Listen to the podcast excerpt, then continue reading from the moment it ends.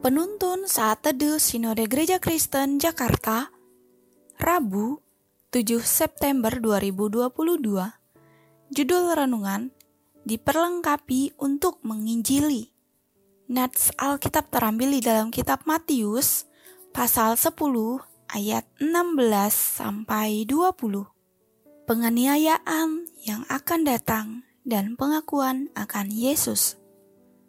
Lihat, aku mengutus kamu seperti domba ke tengah-tengah serigala. Sebab itu, hendaklah kamu cerdik seperti ular dan tulus seperti merpati.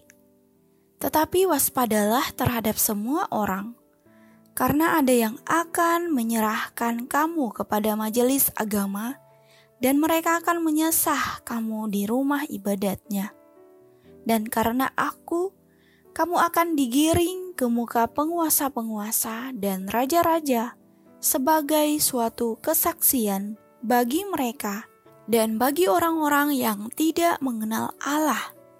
Apabila mereka menyerahkan kamu, janganlah kamu khawatir akan bagaimana dan akan apa yang harus kamu katakan, karena semuanya itu akan dikaruniakan kepadamu pada saat itu juga karena bukan kamu yang berkata-kata, melainkan roh Bapamu, dia yang akan berkata-kata di dalam kamu. Menjadi seorang tentara bukan hal yang mudah. Sebelum terjun ke medan perang, mereka bukan hanya dibekali dengan berbagai teori, mereka juga diperlengkapi dengan senjata serta berlatih keras secara fisik maupun mental. Ini merupakan salah satu syarat untuk menjadi seorang tentara, supaya mereka kuat dan memiliki strategi-strategi untuk menghadapi musuh-musuhnya di medan perang. Begitu juga dengan murid-murid Yesus saat itu.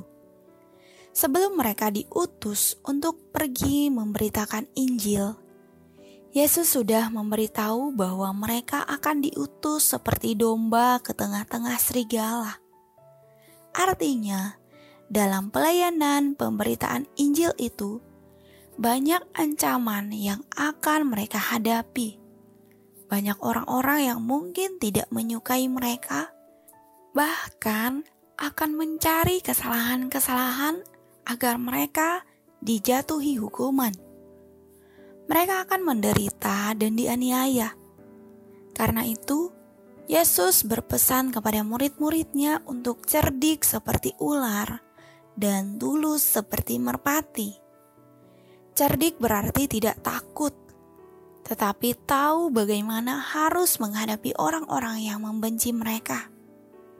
Tidak takut meski mereka harus ditangkap dan diadili, karena ada Roh Kudus yang memberi kekuatan dan keberanian untuk mereka bersaksi. Tulus berarti memberitakan Injil kepada siapa pun, termasuk orang-orang yang membenci mereka dan tanpa mencari keuntungan diri sendiri.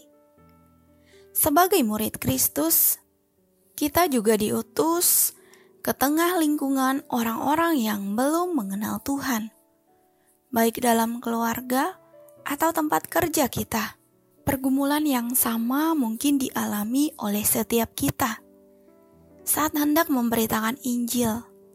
Banyak tantangan, bahkan ancaman yang kita dapatkan. Tetapi ingat apa yang Tuhan katakan, bahwa jangan takut.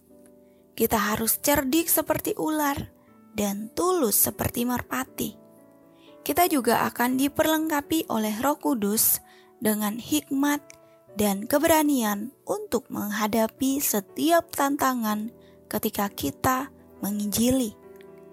Percayalah, Roh Kudus akan memperlengkapi kita dengan hikmat dan keberanian ketika kita memberitakan Injil. Amin.